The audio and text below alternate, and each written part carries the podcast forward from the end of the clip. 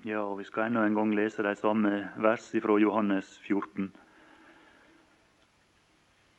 Eders hjerte forferdes ikke, tro på Gud og tro på meg. I min Faders hus er det mange rom.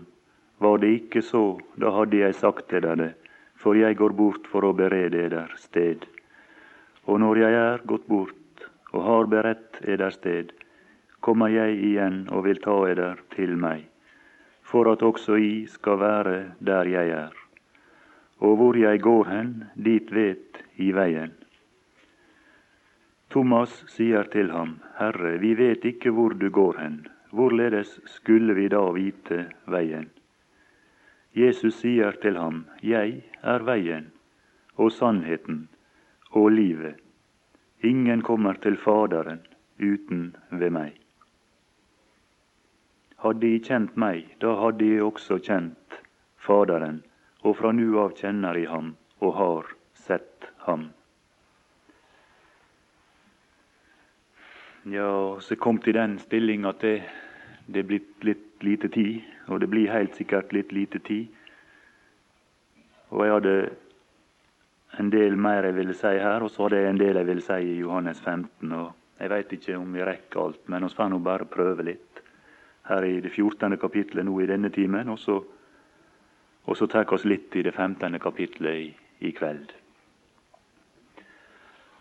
Og det vi kan begynne med å stanse for her, da, det er det tredje verset.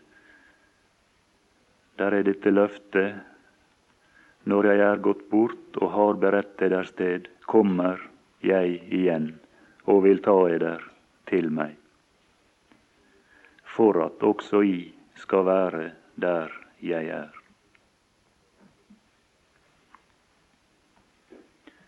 Og det, det er et løfte han gir til sine like før han skulle fare ifra dem. At det skulle ikke være permanent slik at det var avstand mellom Herren og dem. Men han ville komme igjen, og så ville han ta dem til seg, eller motta dem til seg. Og og det var slik at til å begynne med da, så, så, var dette håp det var levende for de, for de kristne. Og Paulus han skriver det, og det gjenger så klart fram ifra hans sine brev. Han skriver om at vårt rike er i, i himlene, og derfra venter vi. Skriver han i Filippenserbrevet, det tredje kapittelet. Så hadde han sine forventninger retta den veien. Og, og, og, vi venter. Han tok seg sjøl med. Han regna ikke med det at dette her var noe som skulle skje om, om lange tid, når, når, han hadde forlatt denne verden. Nei, vi venter. Og, og det var, det var et, et håp som, som, de hadde, og, og, som var de nær, og som de levde i. Og Det samme gjenger fram ifra, ifra brevet til Titus og det andre kapittelet der. Det var denne forventning. Og der er en, en lignelse, og nå, nå, skal ikke jeg utlegge den, men jeg vil gjøre en liten anvendelse. Og Det er dette kjente i Matteus 25. Der, der var ti jomfruer der. Og det står at de gikk ut. Og det var et bra utgangspunkt. De gikk ut for å møte brudgommen. Det begynte der.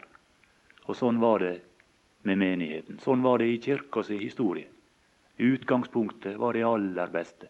Det starta med forventning. Men også står her at, at han ga seg tid. Og så skjedde det, at han ga seg tid. Ja, og hva skjedde så i kirka historie, i menigheten si historie, når den Herre Jesus ga seg litt tid? Ja, disse ti, de, de slo seg til ro, står der. Eller der står at de sovnet. Og når du sovner, når du, når du legger deg, når du slumrer inn, da, slår du deg til ro. Og, og, det var det som skjedde i, med, med, de kristne. Det var det som skjedde. Det begynte å bli velbehagelig å være i denne verden. Det gikk noen år, og så tok forfølgelsene slutt. og Så var martyrtida over. og så, så begynte de å få verdslig makt. Og så, så oppsto denne her tanken til ja, det er nå ikke så verst å være likevel.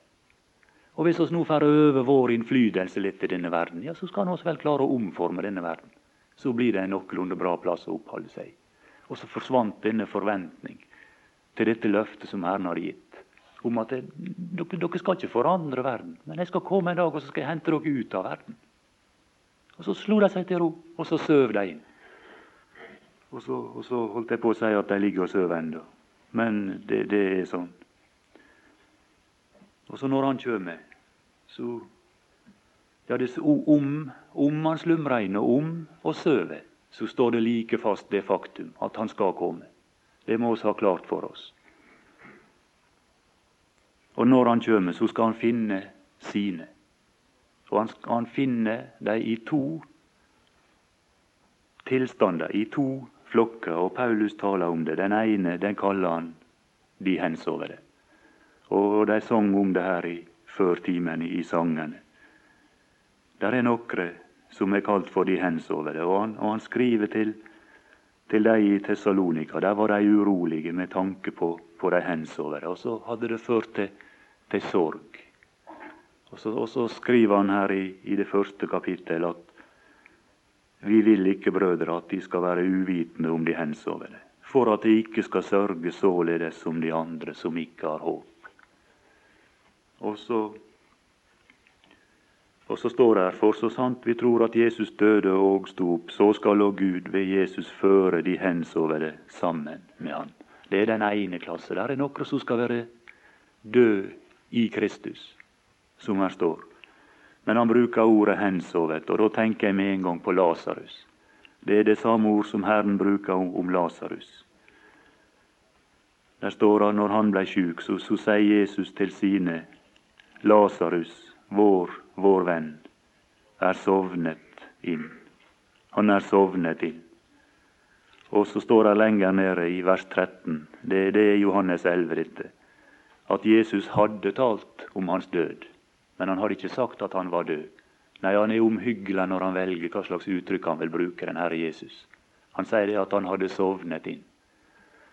Og Paulus han bruker det samme uttrykk. De hen sovede.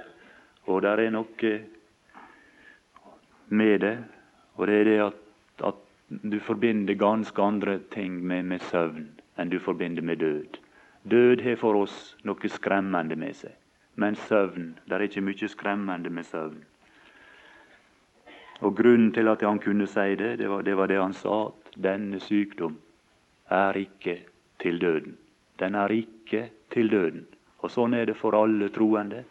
Uansett hva du, hva du måtte komme opp i av sykdom, så er det ikke døden som er det endelige resultatet av din sykdom. Det kan du være sikker på. Det er kun ei klasse folk der døden skal være det endelige resultat. Og det er de ufrelste. Og det er kalt for den annen død. Men disse som, som har del i denne oppstandelse, som vi skal tale om nå, over dem står der, har den annen død ingen makt. Ingen makt. Den er ikke det en, døden er ikke det endelige resultat for den troende. Og Derfor så bruker han uttrykket 'å sove'. Og der er nå flere tanker som melder seg i den forbindelse. Og skal nevne litt av det. Det er for det første ufarlig. Det, det er den ene ting. Det var én ting som gjorde døden farlig. Og Paulus han skriver til korinterne. Død, hvor er din brodd? Død, hvor er din seier? Hvor er din brodd? Det, det, det var våpenet, liksom, han etterlyser. Dødens brodd, står der, er synden. Ja, det, det var synd. Var, det var, den som gjorde at døden ble så farlig. Dødens brodd er synden. Men også er det rett, så sier Skriften at Herren, han borttok synden med sitt offer. Ja vel. Og så er dødens brodd borte. Og så er døden ufarlig for den troende. Dødens brodd er synden. Og så, og så, og så, og så er brodden vekke. Synden er bortatt ved hans offer. Og Så er det en annen tanke, og det er at, at det følger hvile med søvn. Det er hvile. Det er et, etter en dag med, med strev og med arbeid, så legger du deg i den hensikt at ja, i morgen skal jeg arbeide mer men jeg, jeg trenger hvile. Der står et, en beretning om ja, det er om patriarken Jakob, hvordan det foregikk når han døde. Og, og det er fint å, å lese. Første Mosebok 49. Det er ganske karakteristisk.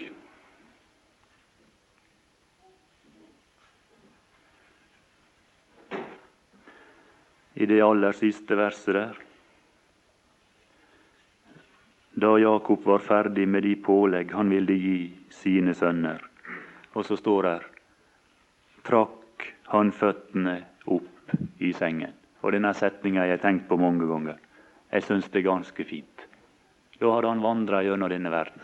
Og så ga han det vitnesbyrd til, til farao at hans utlendighetsår de hadde vært få, og de hadde vært onde. Og de hadde ikke nådd opp til hans fedres år. Men også står her at nå, nå var vandringa slutt. Han, han, han, satt på ei seng, og så, så trakk han føttene opp i senga. Og så inntok han hvilestillinger. Det er døden for den troende. Det, det er sånn det vil arte seg. Og her står noe mer her. Oss tenker på død som skilsmisse. Men her står om Jakob i, i vers 29. Og han bød dem og sa til dem, Jeg samles nu til mitt folk det var ikke slik at når han skulle dø, så skulle han skilles ifra sitt folk. Nei, det var, det var stikk imot. Han var utlending her. Og så når han døde, så skulle han ja, da var, det, da var det forening. Da skulle han samles til sitt folk. Og sånn er det for den troende. Det, det skal bli. Han Paulus han kaller det vår samling med ham. Vår samling med ham, skriver han.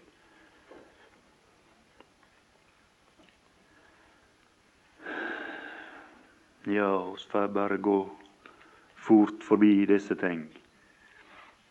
Men så står det mer om, om Lasarus. At han ble lagt i ei grav, og så Herren hadde sagt at vår, vår venn Lasarus, eller Lasarus, vår venn, er sovnet inn. Og så sa han, men, sa han, jeg går for å vekke ham. Jeg går. Han kom sjøl. Ledes. Vi finner dette løftet der i Johannes 14, at det, han kjem igjen. Så sto han en dag framfor Lasarus' i grav. Og så, så lydde dette bydende rop. Lasarus kom ut, og, og, så kom han ut. Og så alle disse band og alt dette som, som batt og fast. Og forgjengelighet og alt dette her. Det måtte bare slippe taket. Og så kom han ut. Og det er det som skal skje. De døde i Kristus. De skal først oppstå. De, de skal høre dette rop, og så skal de komme ut. Og han kom ut, og han var, var bunden, og så videre, står her. Og, og alt sammen, det, det, det løsna. Det, det blei løst. Og der skal være tegn. Jeg vil tro det. Når Herren skal møte sine, så skal det skje i luften. Og der er en som er kalt for høvding over luftens makter. Og der skal sikkert være motstand. Men han sa til de som var omkring, så han løs han og, la han gå. Der skal ikke være noen som skal være i stand til å holde igjen når Herren henter sine. Du kan være sikker på det. Så det er noen der er noen som må gå via ei grav, og, og som, som, blir i denne gruppe som er kalt for de hen sovere. Men så, så er det ei annen gruppe i, i Tessalonika-brevet. Og det er disse i vers 17, kapittel 4 og vers 17. Deretter skal vi, han, han tar seg sjøl med. Han trodde sikkert, og han håpte og rekna. Og det var hans, var hans håp det, at jeg blir en av dem. Skal vi som lever, som blir tilbake, sammen med dem, rykkes i skyer opp i luften for å møte Herren. Sammen med dem. Og, og der er brukt et uttrykk i, ja, i vers 16 med Guds basun. Og oss hadde en mann på besøk hjemme nå i vinter, og han talte om, om de forskjellige basuner. Jeg, jeg har aldri hørt det før, og det var, jeg syns det var ganske fint for min del. Han snakket om når, når den romerske hæren skulle bryte opp fra leir, så, så var det først en, en basun. Og så det betydde at nå er det snart oppbrudd. Og så setter den enkelte soldat i gang med å pakke sin rustning og, og gjøre klart. Og Så gikk det en stund, og så lydde der en annen basun. Og Det betydde at ja, nå må dere på plass inn i rekken. Ja, så gikk det enda litt, og så, og så var det den, den siste basun. Og da var det avmarsj. Og det er den siste basunen. Det er uttrykket du finner i, i 1. Korinterbrev 15. Den siste basunen. Og så skal basunen lyde, og så, og så er det avmarsj herifra. Og så står her vi skal alltid være med Herren. Og så er det trøst, står her. Og det var det spørsmålet de stilte i, i denne sangen de sang før timen også. Om, om det var trøst i dette budskap. Trøst av hverandre. Og i vers 13 så sier han dere skal ikke sørge. Det, det hele hans hensikt med å fortelle dem det. Det er ikke at han vil skremme dem. Nei, det er for å opplyse dem om hvordan det faktiske forholdet er, slik at dere ikke skal sørge. Trøst hverandre med disse ord.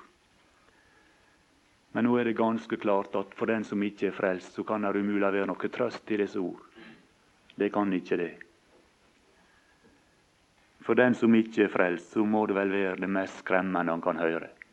At det er en dag så skal Herren, så skal Herren hente sine, og så, blir jeg igjen. Det må være skremmende. Ja, altså, jeg tror oss må bare gå ifra det, og så ta litt om det verset som kanskje er det aller mest kjente her i, i Johannes 6. Han sier, ja, han sier vers 4 hvor jeg går hen, dit vet i veien. Og han har forsøkt å, å, å, peke på denne vei i hele dette evangelium. Han har snakket om at han er kommet til Faderen, og han går tilbake igjen til Faderen. Men så er det en, og han Thomas han er akkurat sånn som så, så oss er så ofte. Han, han, han forstår så seint. Det gjenger så seint. Herre, vi vet ikke hvor du går hen. Hvorledes skulle vi da vite veien? Så er det fint for meg å legge merke til hvordan Herren er. Han, han er ikke slik at når jeg kommer til ham med spørsmål, så, så bare bryter han meg av og så Nei, dette har jeg sagt før. Nei, han, han, han, han tar seg tida, og så tar han det opp igjen. Og så kommer dette vidunderlige uttrykk 'Jeg er veien og sannheten og livet'. Og ja Jeg vet ikke hva dere forbinder med en vei. Jeg er veien. Det var det, var det første. Men vi eh, kan vel være enige om at når vi tenker på en vei, da tenker oss på ja, da, er det avstand inne i bildet. ikke sant? Og Da tenker vi på en forbindelse mellom to punkt. Og En vei det, det, er noe som gjør det mulig for, for, for en bil f.eks. å tilbakelegge en avstand mellom to punkt. Og Det var noe som skjedde på, på fallets dag. Og det var det at det ble avstand. Det ble en sånn enorm avstand mellom Gud og som menneske. Og vi vet hvordan det er beskrevet der i, i Første Mosebok. At Herren han, han vandret i hagen, står der. Det er kapittel 3 og vers 8. De hørte Gud Herren som vandret i haven da dagen var blitt kjølig. Han kom dit sikkert, og så han, ville han ha samfunn med, med sitt folk, eller med sine, de han hadde skapt. Han hadde skapt dem i sitt bilde. Det, der, var ikke noe i skapelsen før som, som var i hans bilde. Og så, og, så, og så, skapte de mennesket i sitt bilde. Og så var det sikkert Guds tanke at det her, her er kommet noe som jeg kan nyte samfunn med. Men så kom fallet inn, og så, og så kommer dette spørsmål. Ja, og ser her at, at Adam og hans hustru skjulte seg for Gud Herrens åsyn mellom trærne i haven. Da kalte Gud Herren på Adam og sa til ham, Hvor er du. Han, han var ikke der han, hadde, han, burde være. Han var ikke der at han kunne være i samfunn med Herren lenger. Det var blitt avstand. Og denne avstanden den var enorm, og den fortsatte bare å øke, for nå hadde slekta begynt å gå sin egen vei. Og, og om Kain der, står der i fjerde kapittel og, og vers 16. Ja, i vers 12 er det ordet som var borte i, i går kveld. Det står om Kain at han skulle være hjemløs og omflakkende. Og denne omflakkende vei som Kain gikk på, den førte han bort fra Herrens åsyn, står der i vers 16. Kain gikk bort fra Herrens åsyn. Og så blei det slekta sin vei. Gjennom tusenvis av år, bort fra Herrens åsyn. Og Paulus han skriver Ja, vi kan lese det. Det står i, i Efeserbrevet. Og det fjerde kapittel. Og Det er vel det 17. og det 18. vers. Der står det at de var fremmedgjort for Guds liv. De var blitt fremmede. Det var, de var kommet en voldsom avstand inn. Og vi kan ta enda litt ifra, ifra Romerbrevet 3. I vers 12 så står det at alle er avveket. Og når du viker av, da betyr det at du har en vei framfor deg, og så viker du av. Eller så går du til sides for veien. Alle er avveket. Og den vei de var slått inn på, den førte bort fra Gud. I vers 11 står det det finnes ikke en som søker. Nei, det var ikke noen som nærma seg.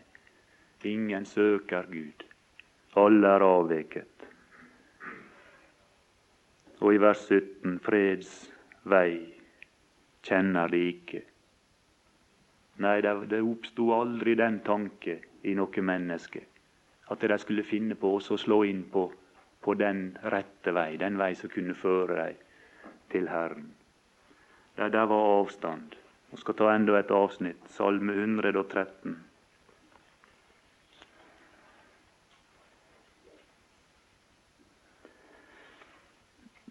Og Der er det avstand, ikke først og fremst i lengde, men der er det avstand i høgde, i, i nivå, i kvalitet.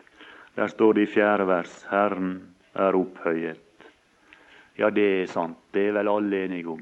Herren, han, han er opphøyet over alle hedninger. Hans ære er over himmelen. Hvem er som Herren vår Gud, Han som troner så høyt? Ja, det er der. Det er oss enige om. Men så er noe her som blir brakt inn. Så står det om, om Gud i vers 6. Hvem er som Herren vår Gud, Han som troner som høyt, som ser, står der så dypt ned. Og da er det blitt avstand. Som ser så dypt ned i himmelen og på jorden.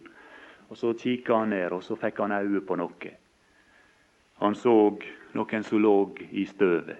Og så står det at han reiser den ringe av støvet. Opphøyer den fattige av skarnet. Det var ingen som fant på noe slags remedium som kunne tilbakelegge denne avstanden, som kunne overstige denne nivåforskjell. Fra å ligge i støvet og være støv, og så opp til Han som, som er så høyt, som troner så høyt som her står. Det var aldri noen som kunne. Men så satt han der, og så fra sin plass så så han oss i vår plass. Og så, og så bruker Isaias et ord han, når han innleder det 53. kapitlet. For hvem, står der, ble Herrens arm utdrakt? Og Jeg syns jeg ser det for meg. Herrens arm, det må være Kristus, det kan ikke være noen annen. det, Som ble utdrakt ifra denne posisjon ned til oss som lå i denne fortvilte tilstand. I den hensikt at det, den ringe skal reises av støvet, og den fattige skal opphøyes av skarnet, for å sette ham hos fyrster, står det. Det er vidunderlig. Og, og, og det, det, var Herren. Det var Herren som så det. De så ikke sin egen tilstand. Og de så ingen løsning på det. Men Gud han skjønte tilstanden, og Gud i sin visdom han så løsninga på det. Og der står enda et vers. Salme 25.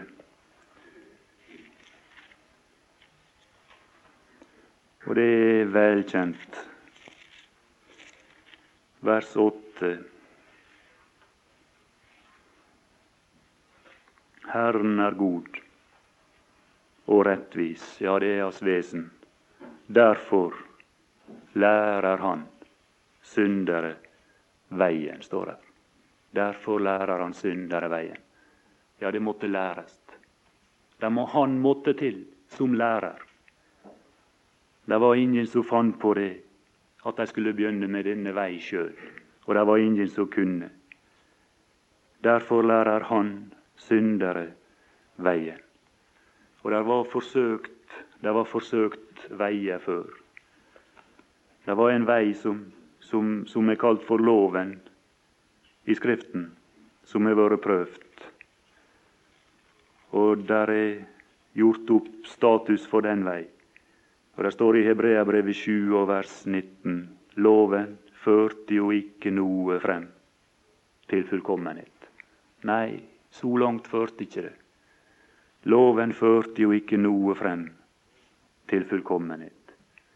Men hebreabrevet det stanser ikke med loven. Nei, hebreabrevet det har for seg alt det som er bedre. Her står et bedre håp føres inn. Et bedre håp. Alt er bedre i hebreabrevet. Det er et bedre håp, og det er ei bedre pakt. Hun er grunnlagt på bedre løfte. Der er en bedre prest, og der er et blod som er bedre.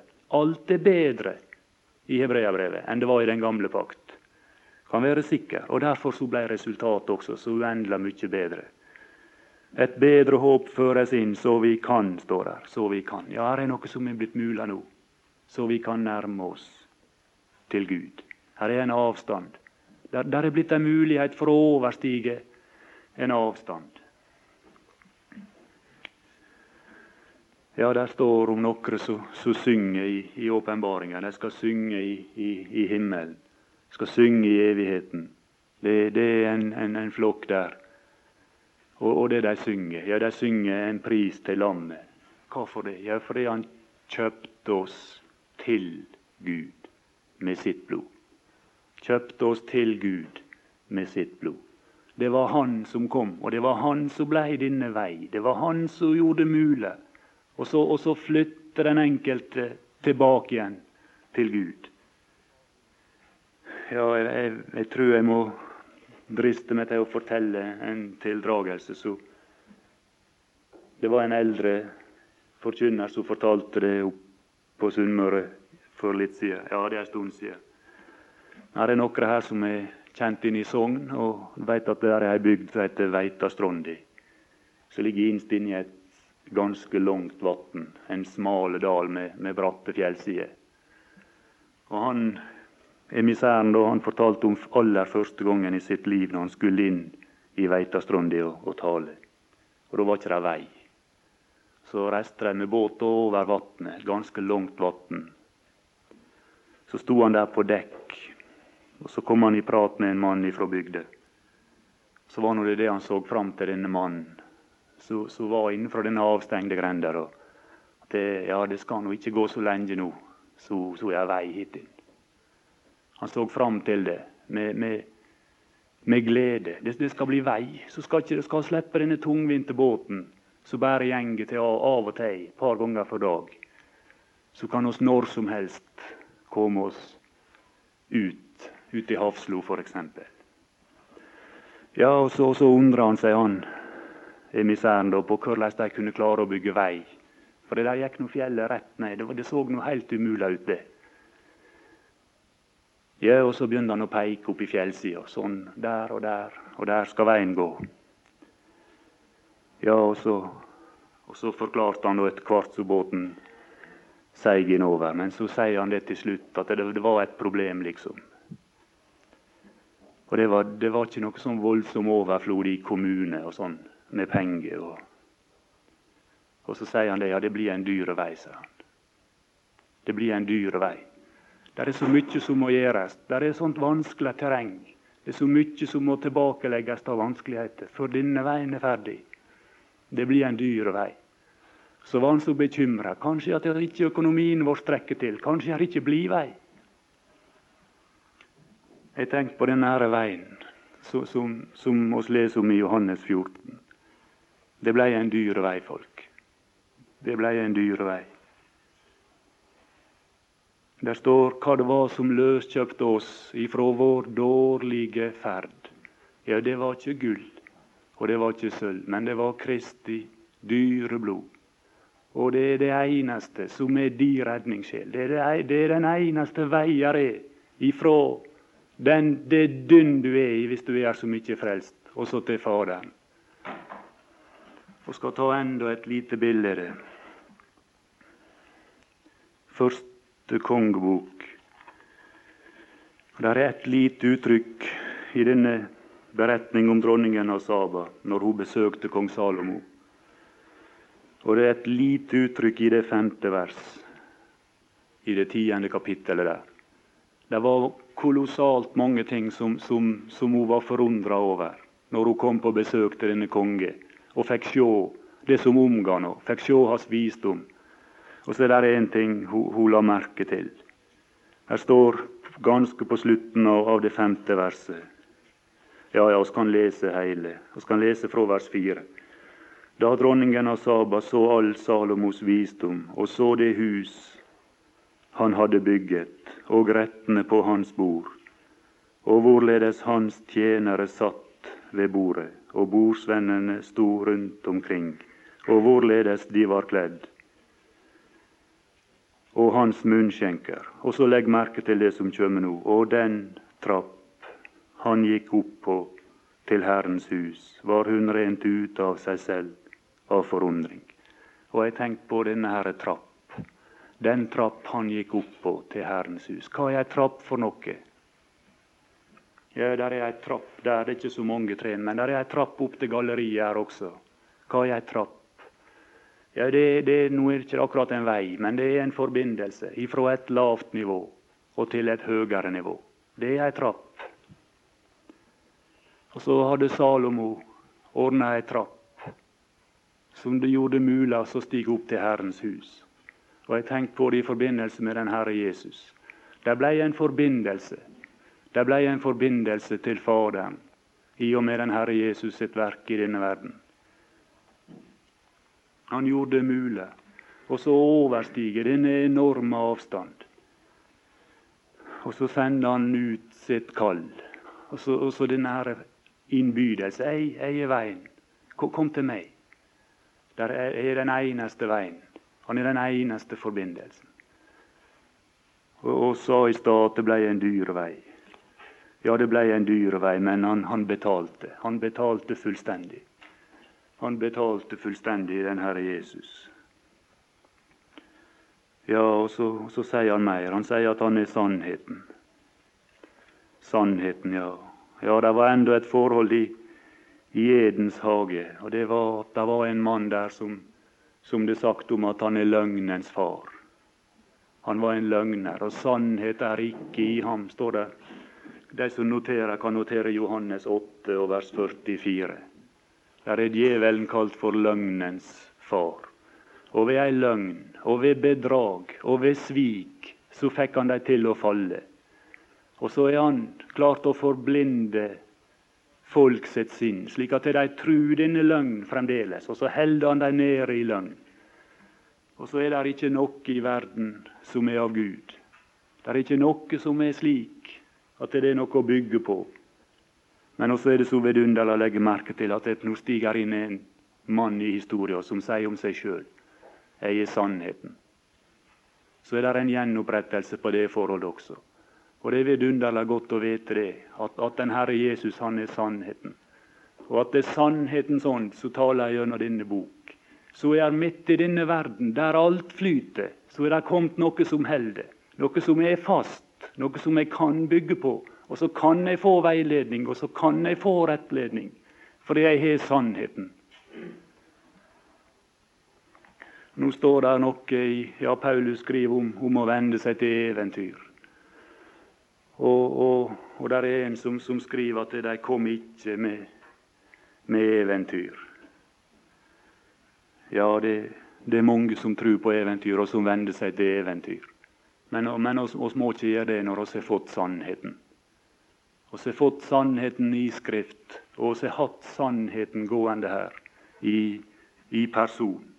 Det står i, i det første kapittel at nåden og sannheten kom ved Kristus. Og Nå er det ei annen side også av dette med sannheten. Vi veit hvordan det var i den gamle pakt, at, at der i alle seremoniene og alt dette her, så lå der bildet. Der var bildet. Og i det som skjedde med, med Israel, f.eks. gjennom ørkenen, så, så, så, var det hendinger som var billedlige. Men så er det sånn med, med, med, med, Herren at når Han kom, ja, så var det slutt på disse billedlige. Så hadde de plutselig det virkelige. Han var sannheten i den forstand. Og han bruker det uttrykket om seg sjøl. Han kaller seg for det sanne lys. Han kaller seg for det sanne brød, f.eks. I motsetning til det som ikke var det egentlige sanne brød, men som var et bilde av brødet. Og skal se på det seinere i dag at han kaller seg for det sanne vintre. Han, han var sannheten. Han var det egentlige. Ja, nå er min tid gått, men det var enda et uttrykk. Han, han var livet. Han var livet, den Herre Jesus. Og der er det tredje forholdet i forbindelse med fallet. At den dag du eter av dette treet, så, så, skal du dø. Så skal du dø. Ja, det fikk fryktelige konsekvenser. Men det fikk vidunderlige konsekvenser, den Herre Jesus sin gjerning i denne verden. Han, han, det er sagt om, om, om Gud at han hadde liv i seg selv, og han hadde gitt Sønnen å ha liv i seg selv. Og Så steg han inn i denne verden. Og Så kom han i den hensikt. Jeg skal meddele liv. Jeg skal meddele liv. Hvis det er noen som vil ta imot meg og tro på meg og på mitt verk, ja, så skal de få del i liv. Og det er ikke hva som helst slags liv, men det er guddommelig natur. Det er liv i samme kvalitet som man er i besittelse av sjøl. Og der er enda ei side, og, og den er praktisk. Den er helt praktisk. Paulus sier, 'For meg er livet Kristus'. Det har blitt i hans praktiske liv. Så var dette også å leve for Kristus, å leve Han til ære. Å leve sånn som han ville han skulle leve, det var blitt hans eneste lidenskap. Og så glemte han alt annet. Livet var blitt Kristus. Jeg skulle ønske at det kunne bli mer sånn for oss. Det blir ikke det uten videre. Jeg vet ikke om jeg nevnte det i går, men det, det, det var bare én grunn som gjorde at Paulus kunne, kunne glemme alt det som lå bak seg. Og det var det at kunnskapen om Kristus den var blitt meget mer verdt. Så meget mer verdt. Og så kunne han holde disse to liv for å si det sånn, opp imot hverandre. Ja, så kunne han la karrieren som rådsherre gå sin vei. Kunne han bare la det fare, så kunne han velge Kristus. Det var blitt meget mer verdt.